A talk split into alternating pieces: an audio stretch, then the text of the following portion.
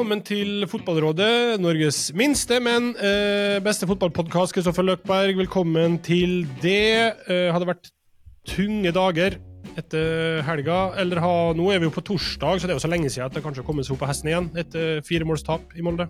Ja, det var seigt der og da. Det var sikkert ekstra seigt for dem som eh, reiste til Molde og måtte være igjen en ekstra dag der. En lang mandag og kom komme seg opp på hesten igjen. Men eh, det handla vel først og fremst om å slå tilbake så fort som mulig. Kunne ikke forvente å unngå tap eller vinne i evigheten. Eh, vi skal ha med oss uh, Brede Hangeland og Morten Kokkim etterpå for å snakke litt om Hangeland-utvalget og det de har innstilt uh, på etter å ha jobba i et halvårs tid med det norske serie- og cupsystemet. Det blir vel mest cupprat, vil jeg tro, men det kan bli interessant. Det kan bli veldig interessant. Det er vel omtrent ikke noe annet som er diskutert på sosiale medier eh, siste, siste uka.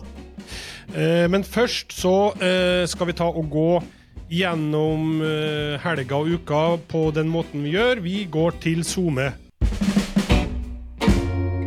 Og eh, vi starter med vår gode venn Petter Bø Tosterud, som tar tak i en situasjon på Åråsen som òg ble diskutert i helga. Ulrik Mathisen kløner seg inn i Hedenstad og får straffe, den var merkelig. Og det var det mange som mente, at den var merkelig. Ja, den var veldig merkelig. Ja. Eh, så jeg, jeg, mener jo at det er frispark utover. Eh, jeg mener at det er jo faktisk Mathisen som ender opp med å stemple og, og springe inn i Hedenstad. Men her er jo folk roper på VAR osv. Det det blir vanskelig for dem. For det, det, går jo an å se det på den andre måten, at Hedenstad kommer for hurtig ut og for tøft inn og skaper straffespark. Så da får vel dommeren sin avgjørelse stå, da. Men uh, jeg syns, uh, syns den så veldig merkelig ut. Ja. Det er en spesiell situasjon. Altså. Det, er jo, det er jo vanskelig å være sånn helt superbastant verken den ene eller andre veien, selv om jeg har sett folk klare å fyre seg opp og krangle noe voldsomt om det òg. Ah, ja. Det må, det må, kunne gå. Og så eh, en eh, annen Jeg vet ikke om han er venn av Fotballrådet, tipper at han aldri har hørt på det, men eh, Svea han hadde en tweet keepertrenere, parentes spesielt.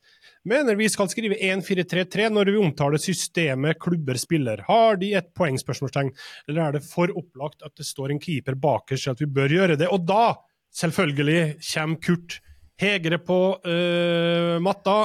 Han er keepertrener i uh, Viking, og tweeter vel stort sett bare om keepere. Uh, er en uh, forkjemper for keepere og dets virke. Og han svarer da i dagens moderne fotball, og med økte krav til keeper som spiller med ballen, er det en selvfølge å bruke f.eks. 1-4-3-3.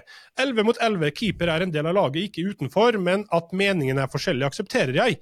Fotball er et spill fullt av meninger, tror på endring.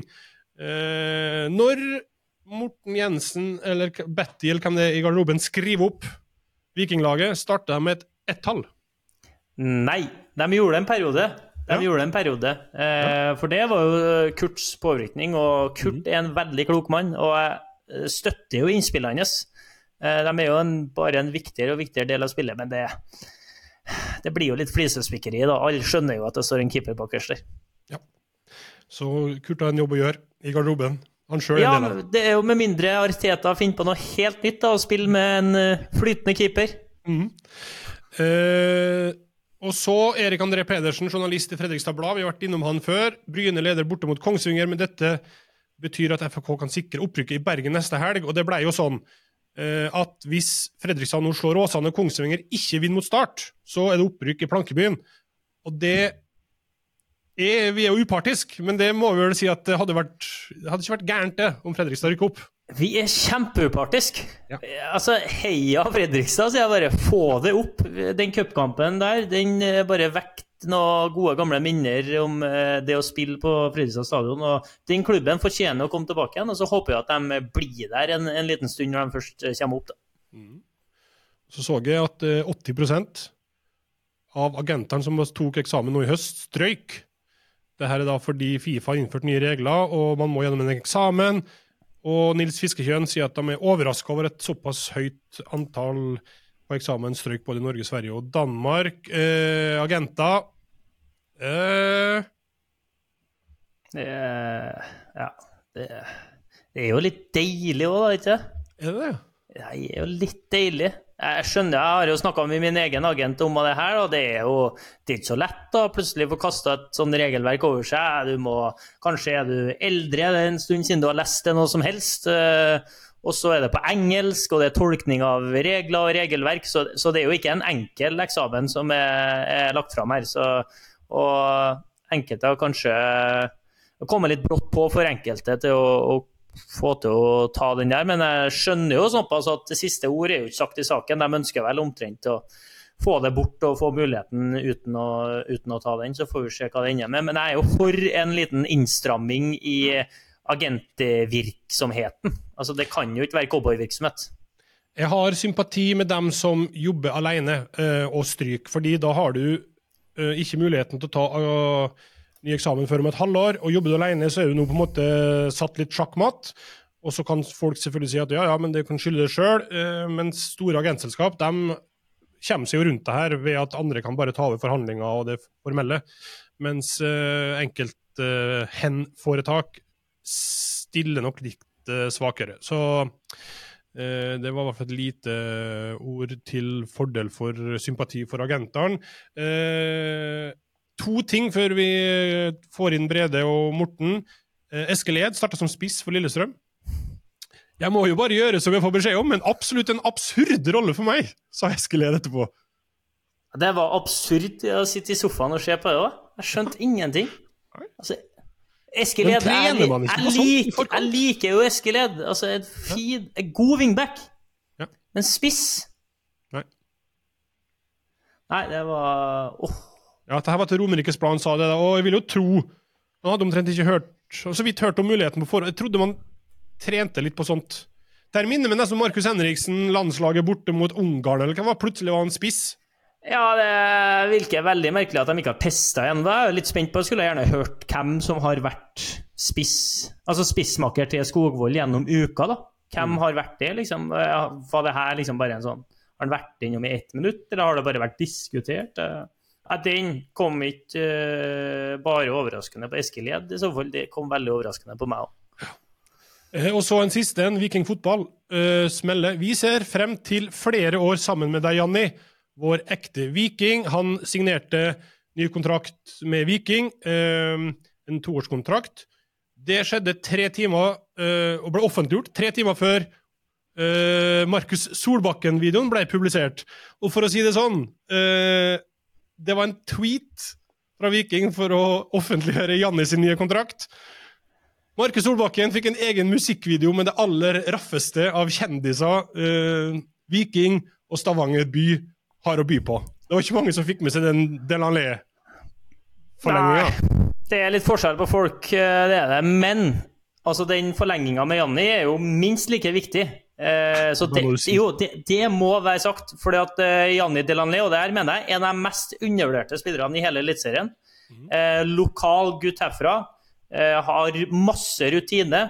Så å få med han i to år til til å være med og bygge laget rundt, og få inn sånne sånn som Markus, da, som er profiler på en annen måte, som kanskje er salgbare på en annen måte, de har ikke like gode muligheter til å bli så gode som de kan bli, uten at sånne som Janni er med. Så toårskontrakt til Janni, undervurdert viktig. Så selv om den ikke fikk like mye oppmerksomhet. Det kom jo en video nå ikke mange dager etterpå, en fin video der vi fikk et tilbakeblikk fra Janni som ung gutt i Viking og litt nyere skåringer, som var, var, på sin plass, da. Tar du hele navnet til Jan Erik? Jan Erik eh, Bahanda Hva er det? Baba... Ja, ikke sant? Randa? Ja, det er korrekt. Randa Baharese Delanlé, eller noe sånt? Bahesre. Bahesre, ja. Mm. Nei, vi Men Markus Solbakken, det kan du. Det er ikke noe problem for deg å huske hele navnet på. Det er lettere, ja. Men uh, Janni har jo Vi var jo innom de vakreste navnene i Eliteserien. Han er helt ja. oppi her, han òg. Ble vel glemt den gangen, tror jeg. Ja, Uh, nei, men OK, bra. Uh, vi setter en strek der. Og så gjør vi et sendeskifte. Uh, vi får inn kveldens, dagens hovedgjester. Morten Kokkim og Brede Hangeland. Vi sa det, Kristoffer, at vi skulle ha med et par gjester i dag. Brede Hangeland og Morten Kokkim. velkommen til dere to. Morten, du er styreleder i Lillestrøm. Og du, Brede, er akkurat nå utvalgsleder, er det korrekt å si, for Hangeland-utvalget? Ja, du kan kanskje si at det utvalget er vel ferdig med sitt arbeid. Så jeg vet ikke om Jeg var, i hvert fall utvalgsleder. Litt usikker på hvordan det rent prosessuelt er. Men uh, la oss kalle meg utvalgsleder. Det er bra. Eh, ville du helst at det var et utvalg, eller at det var noe med raffere navn? Altså kunne det vært en um, kommisjon? Hadde det gitt dere større tyngde, tror du? Nei, det er ikke viktig for meg med tyngde. Eh, altså, det var helt OK med et utvalg med, med flinke fagfolk fra, fra, forskjellige sammenhenger i norsk toppfotball. Så det, et utvalg er bra. Bra. Eh, vi skal slippe til både det, Kristoffer og Morten straks. Men jeg tenkte bare, Brede, aller først, bare for å legge litt premisser her. Hva er det dere har gjort? Hva er det slags bestilling dere har fått uh, når dere da har laga uh, den innstillinga her? Ja, Det kan være viktig å starte der. Altså, dette Utvalget ble nedsatt av styrene i NFF og NTF, altså det er da Norges Fotballforbund og Norsk Toppfotball, interesseorganisasjonen for de 32 toppklubbene. Eh, og Utvalget sin oppgave var å se på uh, om en kunne optimalisere terminliste og konkurransestruktur. Og Hva betyr det? Det betyr hvordan skal serien avvikles, hvordan skal cupen avvikles, uh, skal det skje noe på vinteren? Uh, I hvilken grad skal en legge til rette for e-cuplag i en sånn helhetlig pakke. Og så var jo Vår oppgave som utvalg å se på dette fra et faglig ståsted. Gjennomføre noen høringsrunder. Finne ut hva, de, hva, klubbene mener, hva interessentene rundt oss mener. Samtidig som en har det faglige synet med seg, og så komme med en innstilling basert på det vi har lært gjennom et halvt års arbeid og, og, det har vi gjort etter beste evne. Og la meg bare ta den med en gang. Vi gjør jo ingenting her for å lage trøbbel eller debatt, verken for oss sjøl eller for noen andre. Men, men, vi har gjort et faglig arbeid som vi da leverer fra oss. Og så går det inn i en sånn mer sånn politisk virkelighet nå. og Så får styrene eh, gjøre med den innstillingen som de vil. Men, men eh, vi er jo et enstemmig utvalg som, som har eh, innstilt på det vi har innstilt på, fordi vi mener det er riktig. Og så er det jo sånn, eh, Morten, at uh, uavhengig om man er enig eller uenig i en innstilling, men når man begynner å snakke om hvordan norsk fotball skal avvikles, bygges opp, uh, terminliste, så blir det jo debatt. Uh, så også denne gangen. Dere i Lillestrøm har jo uh, bl.a. Uh, kasta dere på det, og ikke ikke happy med alt som har kommet ut av arbeidet. Nei, um vi er ikke si, happy med alt. Altså, vi er veldig glad for at det gjøres en jobb. og Jeg kjenner jo flere av de som sitter i utvalget til Brede, og det er flinke folk og samvittighetsfulle folk. Så det er ikke det er, det er, ikke det det går på. Uh, enkelte av de forslagene er jo ikke vi enig i, men det vi først og fremst har tatt tak i nå, det er den videre prosessen. Altså Nå har Brede og hans utvalg gjort en jobb, levert fra seg et stykke arbeid. Uh, og Så er det hvordan det skal behandles videre. Når jeg har vært med en stund, så jeg vet litt, jeg har erfart litt at hvordan man jobber videre med ting, det også, kan også være førende på, på konklusjonen. Uh, her var det lagt opp til at Norges toppfotball i går skulle ta en um, avgjørelse på hva de mente om dette, særlig dette cupforslaget. Og så, etter jeg forsto på Lise på, på pressekonferansen fredagen som var, hvor uh, hun fikk overlevert dette her, så skulle forbundsstyret, altså styret i Norges Fotballforbund, behandle forslaget på et styremøte nå 16.10. Eh, vi er uenig i den omleggingen som foreslås fra utvalgets side. Eh, å legge om cupen til en høst for, altså bryte med den vanlige sesongen. Eh, så er jeg ikke dummere enn at jeg skjønner at det er fort gjort at det blir vedtatt hvis vi bare lar de to styrene få styre på. Eh, så jeg begynte satte meg ned for å skrive en del argumenter for hvorfor de ikke burde vedta på den måten. Men så fant jeg heller ut at det er jo den prosessen som egentlig er riv ruskende gal. For det er jo en 250 klubber som egentlig er med på NM.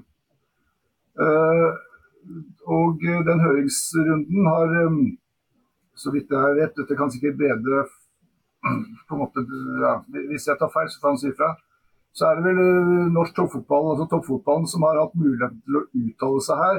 Så det er altfor mange som ikke har fått uttale seg. Og så mener jeg også det er et og det synes jeg på en måte har gjenspeilet seg i flere andre prosesser òg.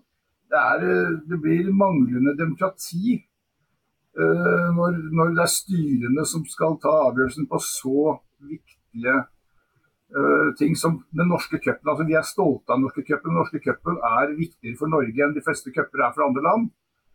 Og det å bare kaste om på den basert på et styrevedtak, enten på Teams eller inne i Oslo, det, det mener jeg er, blir for tynt, rett og slett.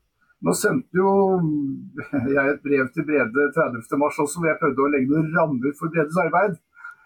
Eh, så, så, og da var Brede var jo glad for å få innspill osv. Så, videre, så, så, dette er noe som Altså, norsk fotball er jeg veldig glad i.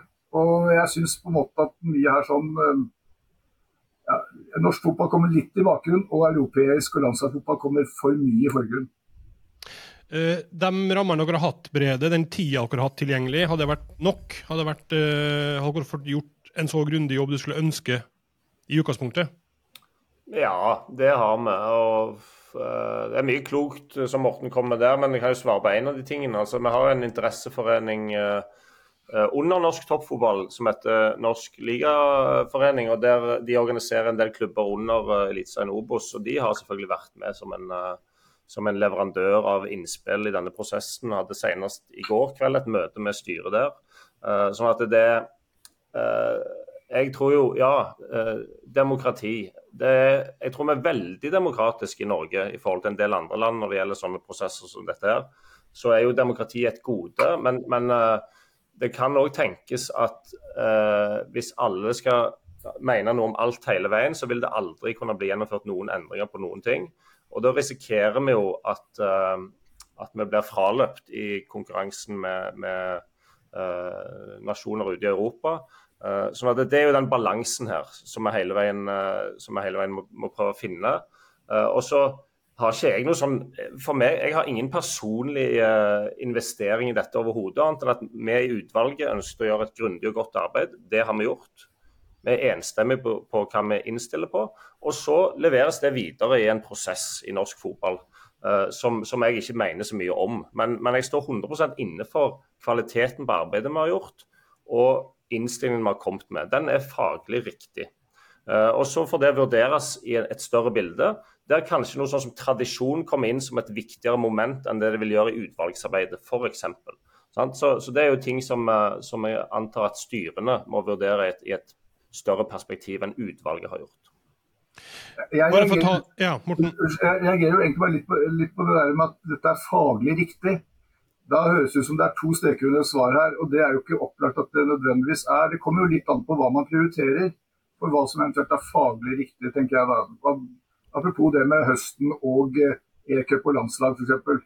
Så jeg, jeg synes at man, for, for, å kunne si noe er faglig riktig, så må jo det motsatte synet naturlig nok da være faglig feil.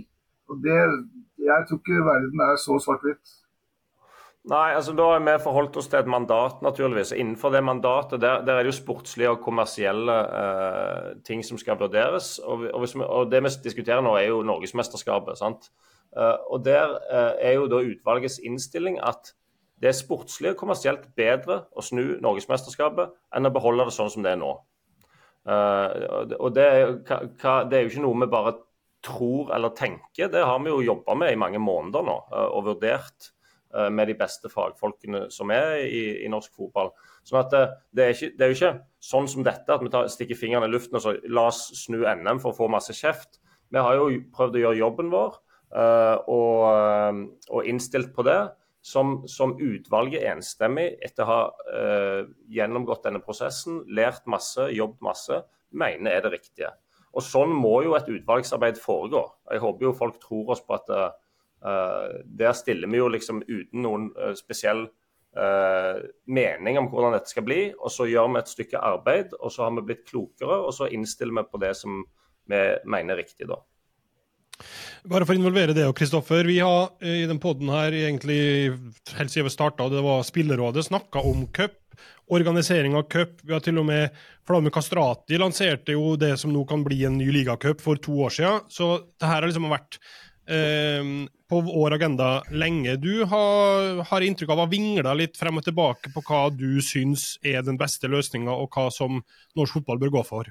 Ja, for det er jo ikke lett, dette her. Eh, jeg har jo også fått eh, blitt litt involvert i oss som klubb, da, Viking, eh, i den prosessen her, der vi har fått det fulle og hele dokumentet som Hangeland-utvalget har jobba fram, og der vi som klubb skulle sette oss ned og se på det, og kom samla med vår mening. Og Da hadde vi et møte da, digitalt der jeg var med fra spillergruppa. Det var styremedlemmer, det var trenere, det var masse folk og der vi diskuterte akkurat dette her.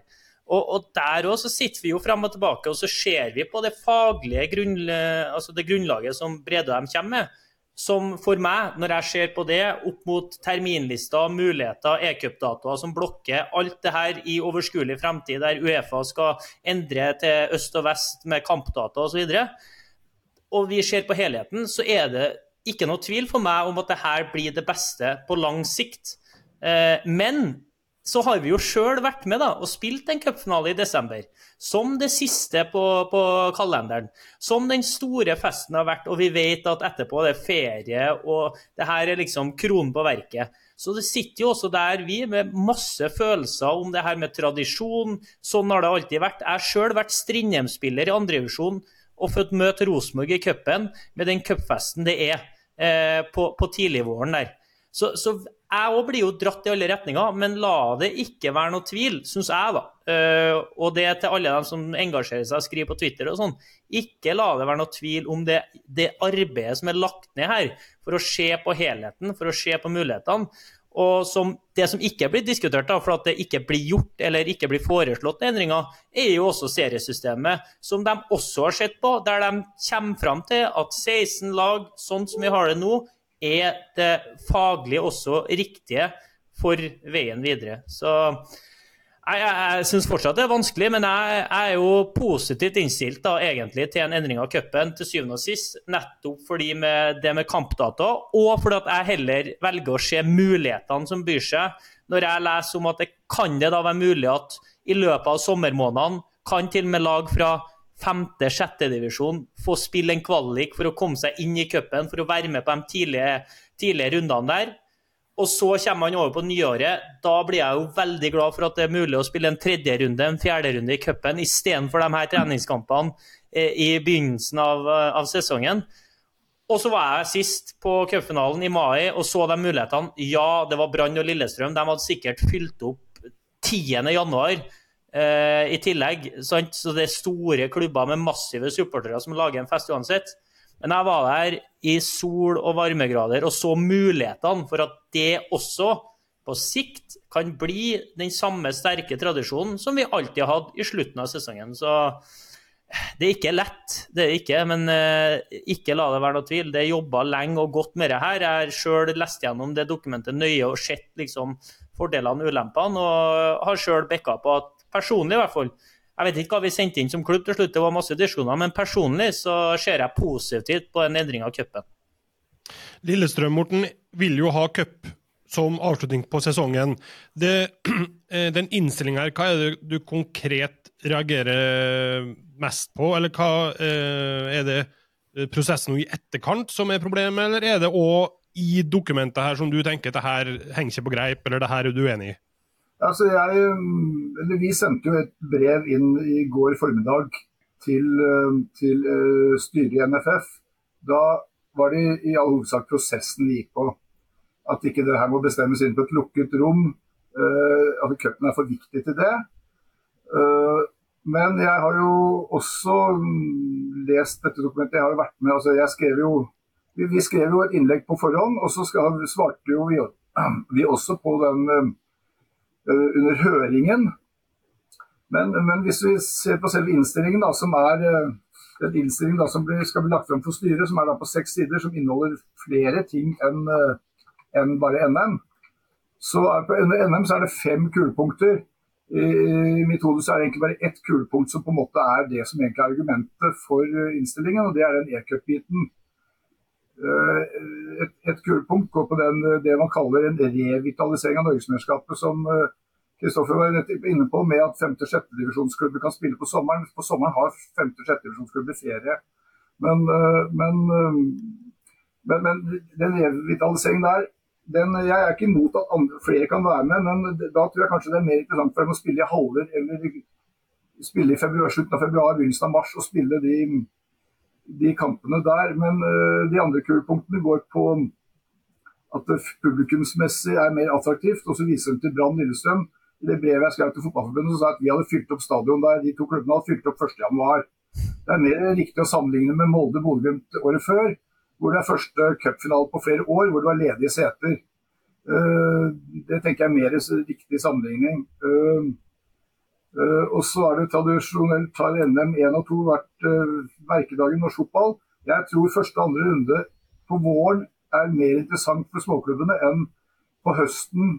Det blir ikke den samme festen på høsten når de sliter med enten opprykk eller nedrykk, enn i første del av sesongen hvor de på en måte kan lage en god fest eh, på Kløfta stadion f.eks. mot Lillestrøm.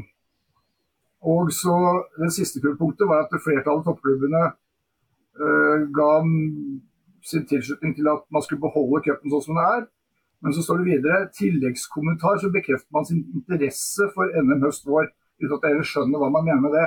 Altså Mitt poeng er at av de fem kulepunktene så er det egentlig ett faglig, men holdbart uh, argument. Og det er uh, nettopp terminlisten. At det kan være at man må se ordentlig på det for å få plassert kamper på høsten.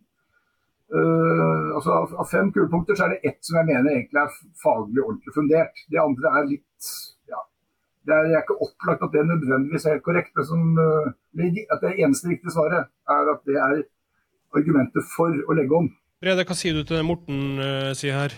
Nei, altså Mange gode refleksjoner. og Så, så er det jo sånn at uh, bare så alle er klar over det Det viktige, det helt sentrale argumentet for uh, at det er riktig å snu NM, det er at høsten blir full av Fifa- og Uefa-datoer Eh, og den tendensen som en allerede kan merke ved at, at norgesmesterskapet mister litt uh, posisjon i fotballkalenderen, den vil, bare, den vil, bare, forsterke seg i takt med at høsten fylles opp mer og mer og mer her.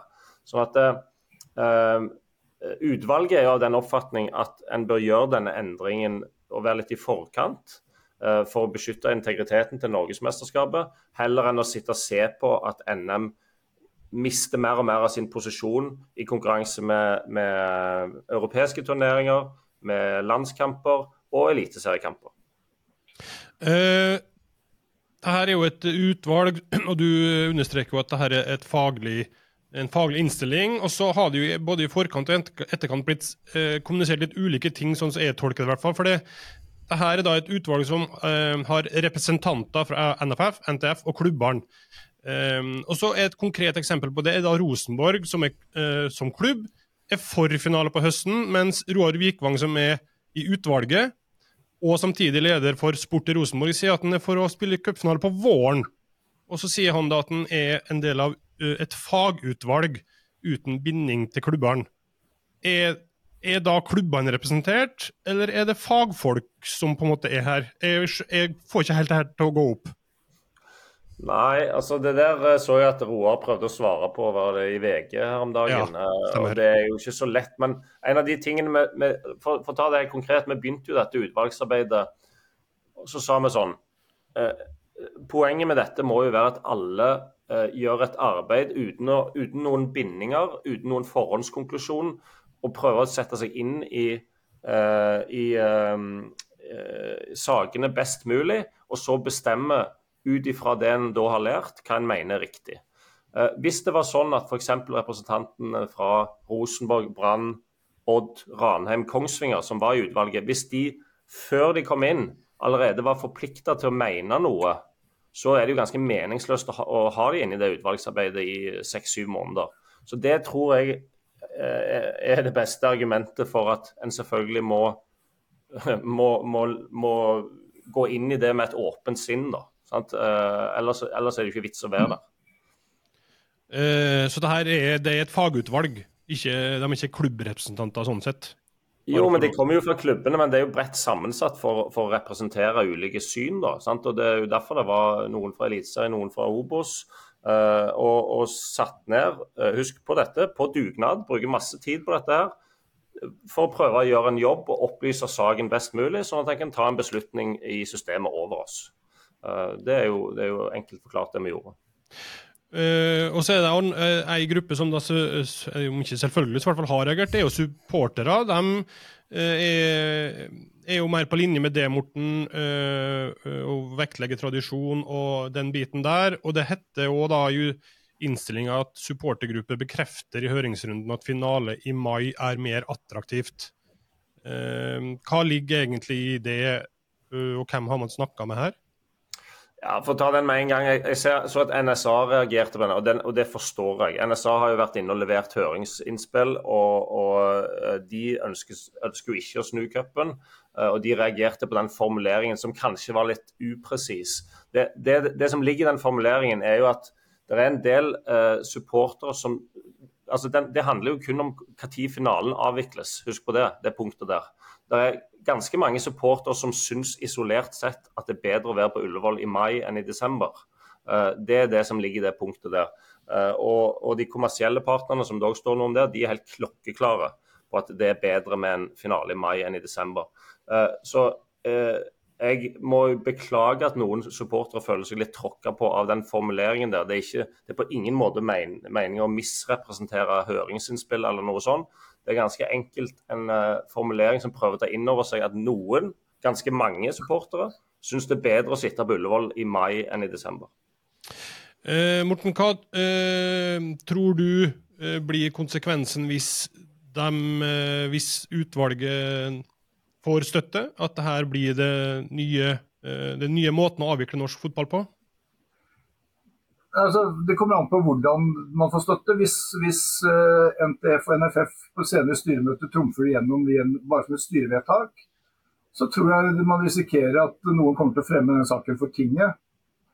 Uh, det er én ting. En annen ting er at jeg tror at uh, selv om Brede sier at det er det motsatte som kommer til å skje, jeg er enig at tredje til femte runde i dag i cupen er, der er det ikke sånn kjempeinteresse. Jeg tror ikke dette kommer til å øke interessen rundt det. Jeg tror også det at den norske cupen, som på en måte er en cup som, som har større betydning for oss enn de fleste cuper har for de andre landene rundt, at denne cupen kommer til å miste litt mer sin hva skal jeg si, for den stolte, det at vi kommer til å se på cupen som noe spesielt, men den spilles midt i en sesong.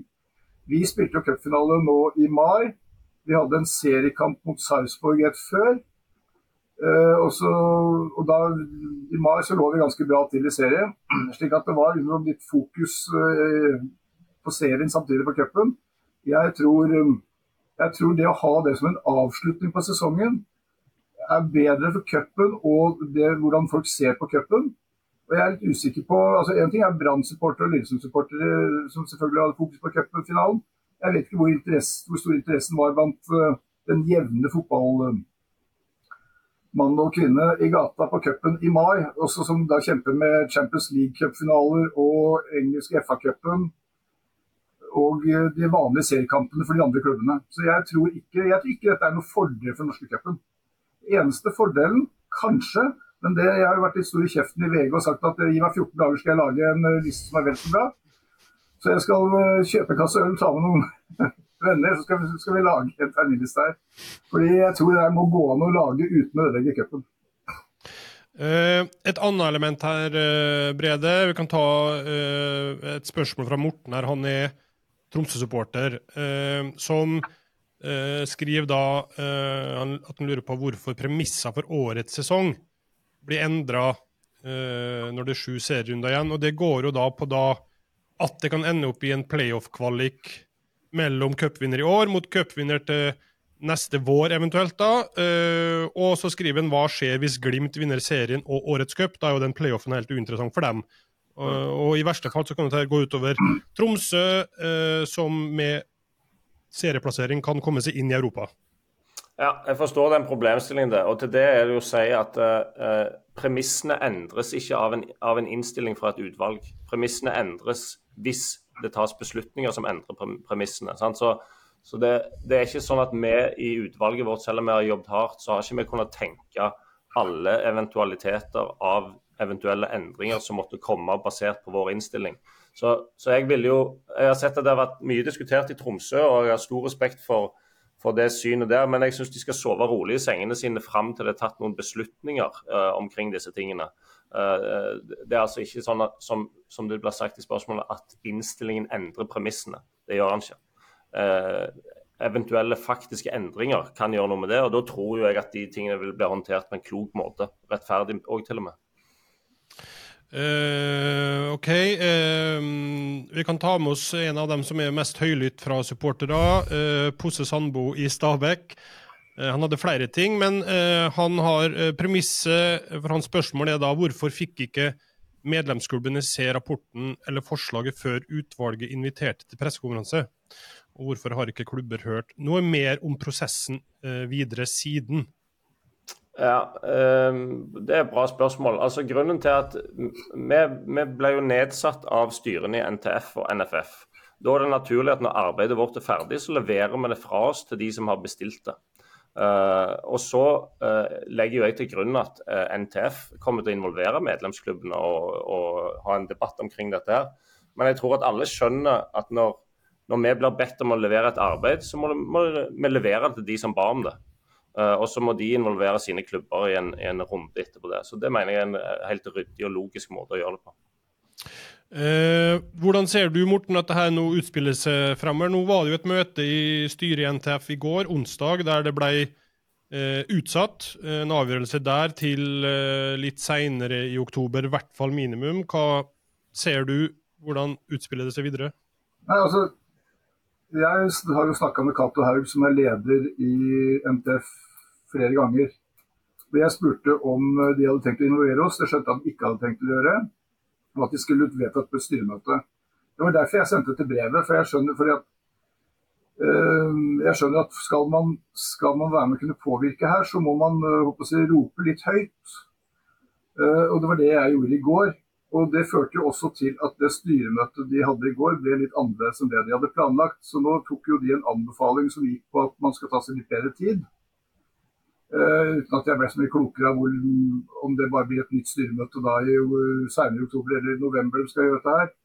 Men, men, um, men, jeg tror ikke de bare kan bestemme dette på et styremøte sånn uten videre. Og jeg tror heller ikke at NFF sitt styremøte nå den 16.10 kommer til å vedta enten nei eller ja til dette her. Tror du dette blir en tingsak til slutt? Jeg tror fort det kan bli det. Og Det har jeg skjønt ikke alle er veldig fornøyd med, men jeg tror fort det kan bli det. Hvis, jeg vet ikke hvor mye du eh, har gått inn i det, Brede, men hvis man på en måte skal få realisert det her, da, hvor kjapt Eller når er siste frist på et vis før avgjørelsen blir tatt for at man skal få til en cup eh, til våren kommende år? Nei, det, det, er ikke mitt bord i det hele tatt. og det, uh, altså, noen tror, det, det, kan virke som noen tror at det er veldig prestisje for meg at dette skal gjennomføres nå med en gang. Det er overhodet ikke min innstilling her. Jeg ønsker bare det beste for norsk fotball. Vi har gjort ferdig arbeidet vårt grundig og levert det fra oss. Og så får dette gå sin gang. Uh, så det er ikke noe sånn uh, det er ikke noe sånn ønske fra meg om verken det ene eller det andre, men jeg står inne for de, den innstillingen vi har levert.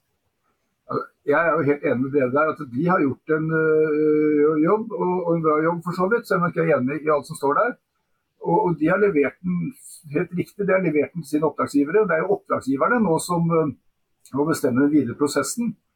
Uh, og det naturlige og sånn i andre beslutningsprosesser, det er jo at sånne innstillinger enten blir et bakgrunnsdokument til en, til en tingsak, eller blir sendt på høring, og så kommer man med innspillene sine når denne innstillingen nå, nå foreligger.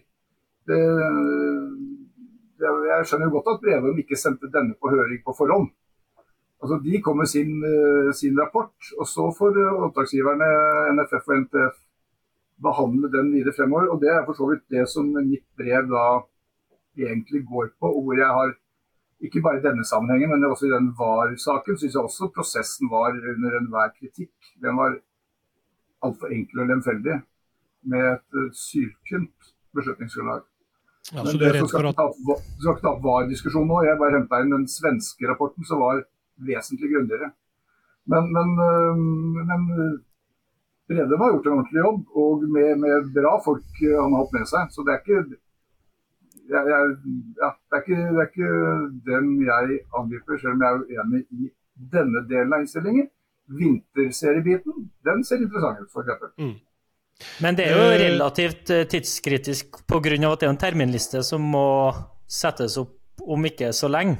Altså Det er 2. oktober nå. Det er vel ikke veldig sent i oktober, starten av november, at terminlista for neste sesong eh, bør komme. da, og I tillegg så er det et EM neste år som gjør at det er enda flere internasjonale datoer å forholde seg til, som gjør at oppsettet av den kan bli enda vanskeligere. Så det, det er jo ikke så lett som at det er bare å utsette en avgjørelse eh, lenge heller. Eh, for da, da må du jo eventuelt da Eh, kjøre cupen som vanlig, men det gjør jo også at det er noen tilpasninger for neste års terminliste som blir veldig vanskelig igjen pga. EM som kommer og ta, blokkerer masse datoer, og i tillegg høsten kommer som blokkerer masse datoer. Så det, jeg, jeg, skjønner eh, veldig godt argumentasjonen med at eh, det bør være bredere forankra og bør jobbes nøyere gjennom enn at det bare her er en innstilling, åtte mann på et styrerom, pang, ferdig.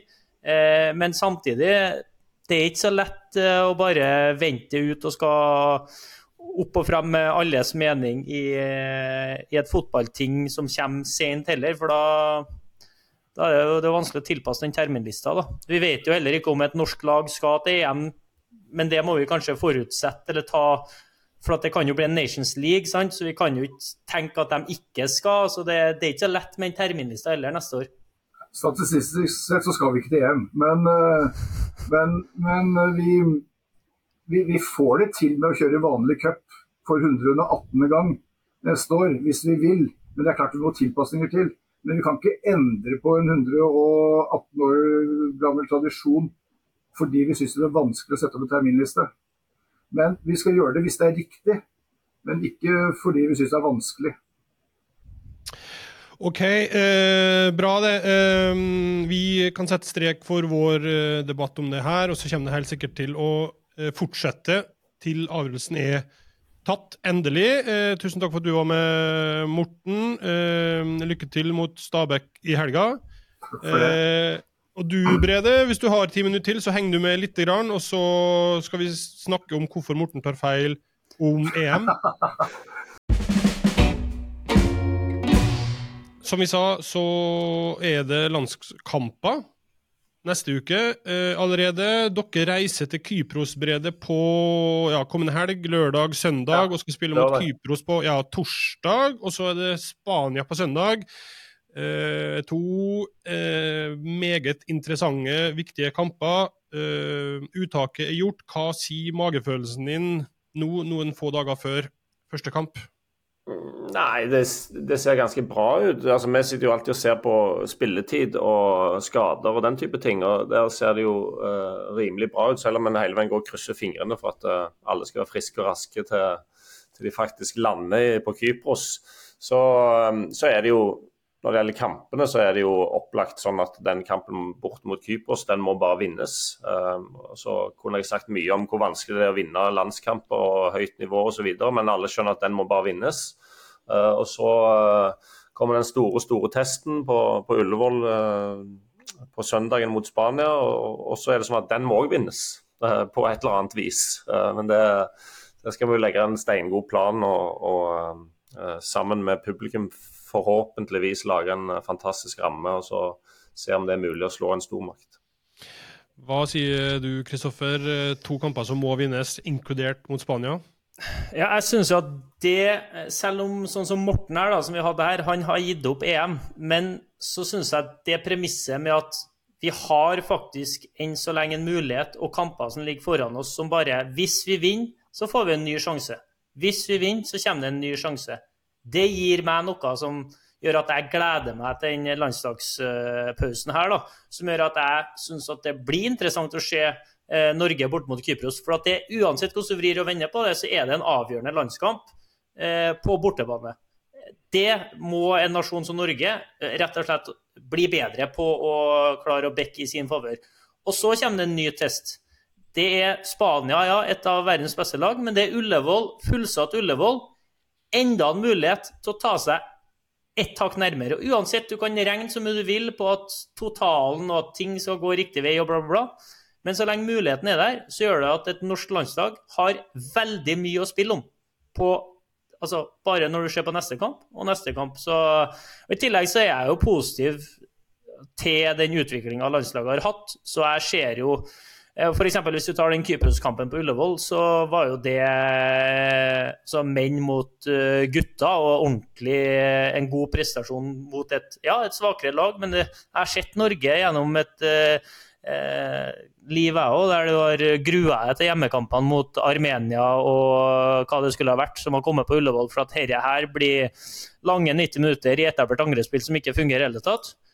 Stegene har blitt tatt der, som gjør at jeg har veldig trua mot antall svakere motstand. Og så kommer forhåpentligvis da den store testen mot, uh, mot Spania, der man må satse sammen enda flere deler av spillet. Hva er det som gjør det uh, sterk i troa på at det her skal lykkes, Brede? Hvorfor uh, sitter man igjen med seks poeng om uh, ja, ei drøy ei halv uke? Nei, altså det, det bakenforliggende er jo, syns jeg Kristoffer oppsummerer bra. da. Vi syns jo det er et lag i utvikling.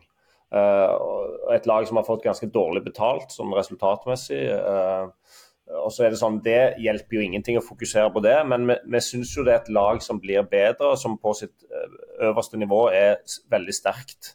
Uh, både med ball og, og i forsvarsspillet. Uh, og, så, og, så, er det sånn at Mot Spania spesielt så må jo omtrent alt klaffe. Uh, og en må kanskje bryte en barriere.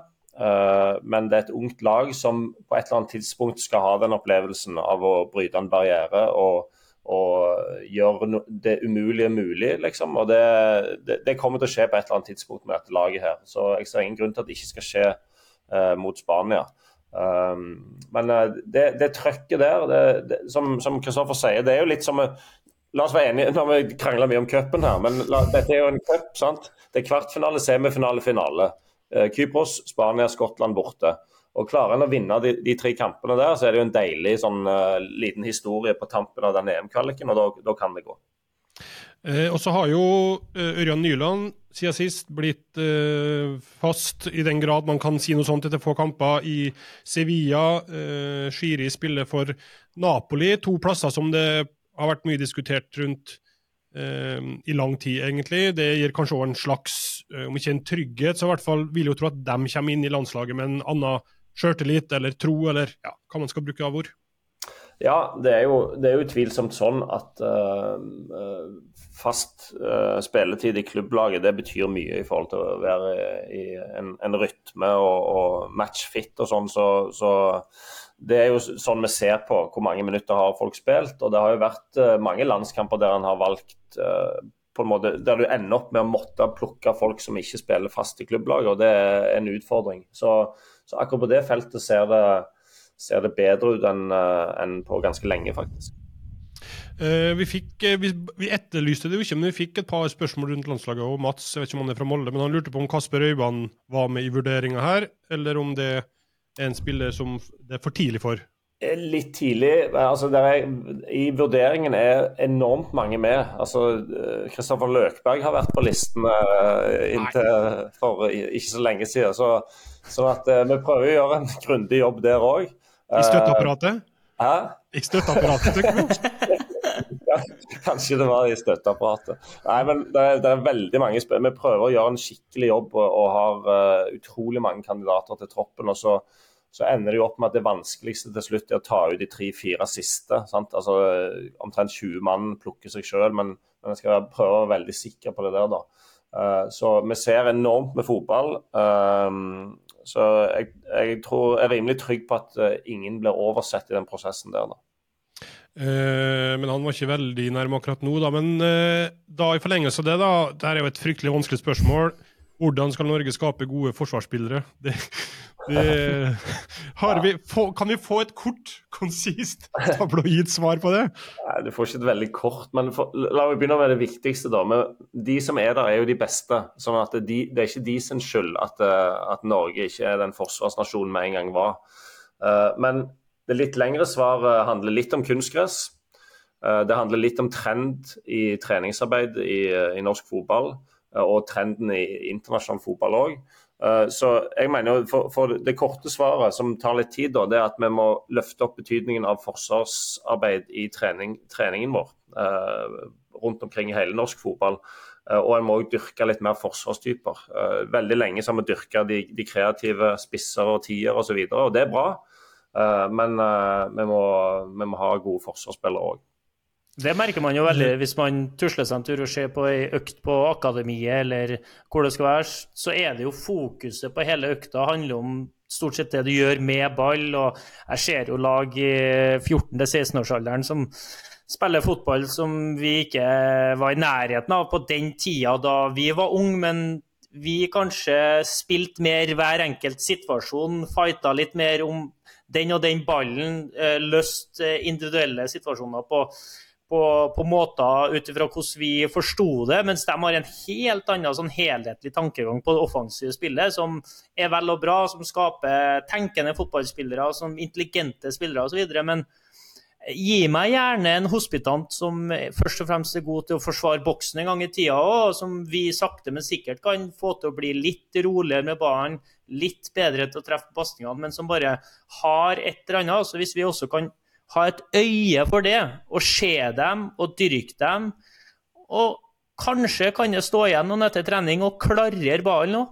Altså, jeg ser jo unge Ja, det høres jo ja, Det er jo latterlig kjedelig. Og sikkert du kunne ha bedt en tolvåring om at du ikke skyter ti skudd, ta ti klareringer ut av boksen så langt du kan. Du får ikke dem til å gjøre det, men går det an å bare legge inn Hvis du oppfatter det som ungdomstrener at her har jeg et forsvarstalent, må du dyrke at Må du få han til å bli jævlig god med ballen med en gang, eller kan du bare få han til å bare få fram de defensive kvalitetene sine først, og bli ekstremt god på det han er god på? Og så tror jeg jo, hvis han er en del av et helhet som jobber godt og riktig over tid i den offensive delen, så blir han god på det òg. Men det går an å få fram de spisskompetansene til enkelte òg. Når du f.eks. ser en storvokst en i tidlig alder som også er rask, må han være spiss da for at han skårer alle målene, eller kan du sette han bak der og dyrke han som en bauta?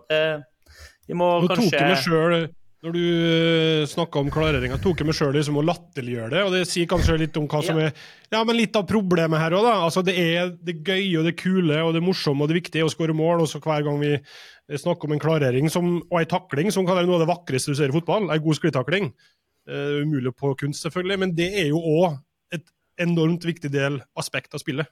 Ja, ja, men det, det må ta den ranten til Løkberg og så bare dele den ut til alle ungdomstrenere rundt forbi. For det, det, er jo riktig. Det er ingenting som er mer, i hvert fall fra mitt perspektiv, det er ingenting som er mer frustrerende enn å se midtstoppere f.eks., som er fantastiske på frispilling, og som gjør det der ti av ti ganger. Så kommer det et innlegg. Nei, der lå han i nettet. Så kommer det et innlegg til. Ja, der ligger han i nettet igjen. Altså Noe så meningsløst som å være god i den fasen av spillet hvis en ikke klarer å, å, å forsvare eget felt. Som, det er primæroppgaven til forsvarsspillere. Har alltid vært, kommer alltid til å være. Eh, bra. Eh, et siste spørsmål rundt landslaget kommer fra Jens. Jeg lurer på om han er journalist, for han eh, har et eh, premiss her om at Braut Haaland aldri, så å si aldri stiller opp til intervjuer med norsk presse. Eh, spørsmålet da, er det en bra ting eller en dårlig ting, og stemmer det, eller stemmer det ikke? Ja, nå er ikke jeg pressesjef for, uh, for landslaget. Det er uh, den gamle Stabæk-legenden uh, Morten Morisberg Skjønsberg. Så han hadde vel vært bedre skikka til dette her. Um, la meg si det sånn som dette. Det er veldig veldig vanskelig for oss andre å sette seg inn i hvordan det er å være Erling Braut Haaland. Um, når han kommer på en norsk landslagssamling, så så er han mye han er i mye mer kontakt med verden enn det han er eh, som Manchester City-spiller. Og han stiller opp på ganske mye greier som folk ikke ser i kulissene. Enten det er sponsoroppdrag eller besøk på eh, kreftavdelingen på Radiumhospitalet, som går under radaren, der han gir av seg sjøl. Og så hender det at Erling kommer til, til Ståle eller meg og sier at nå er det mye. Eh, kan jeg få fri en pressekonferanse? Eh, da er det kloke er å si ja, det kan du. Uh, og, og, Der tror jeg faktisk at uh, folk må bare ha respekt for at det er en veldig veldig spesiell situasjon uh, og en spesiell virkelighet han lever i. Der, der, vi må prøve Ja, vi er norske, vi skal være åpne og tilgjengelige, men samtidig huske på at jobben for han er å skåre mål for landslaget. Og, og ja, det må alltid være det primære.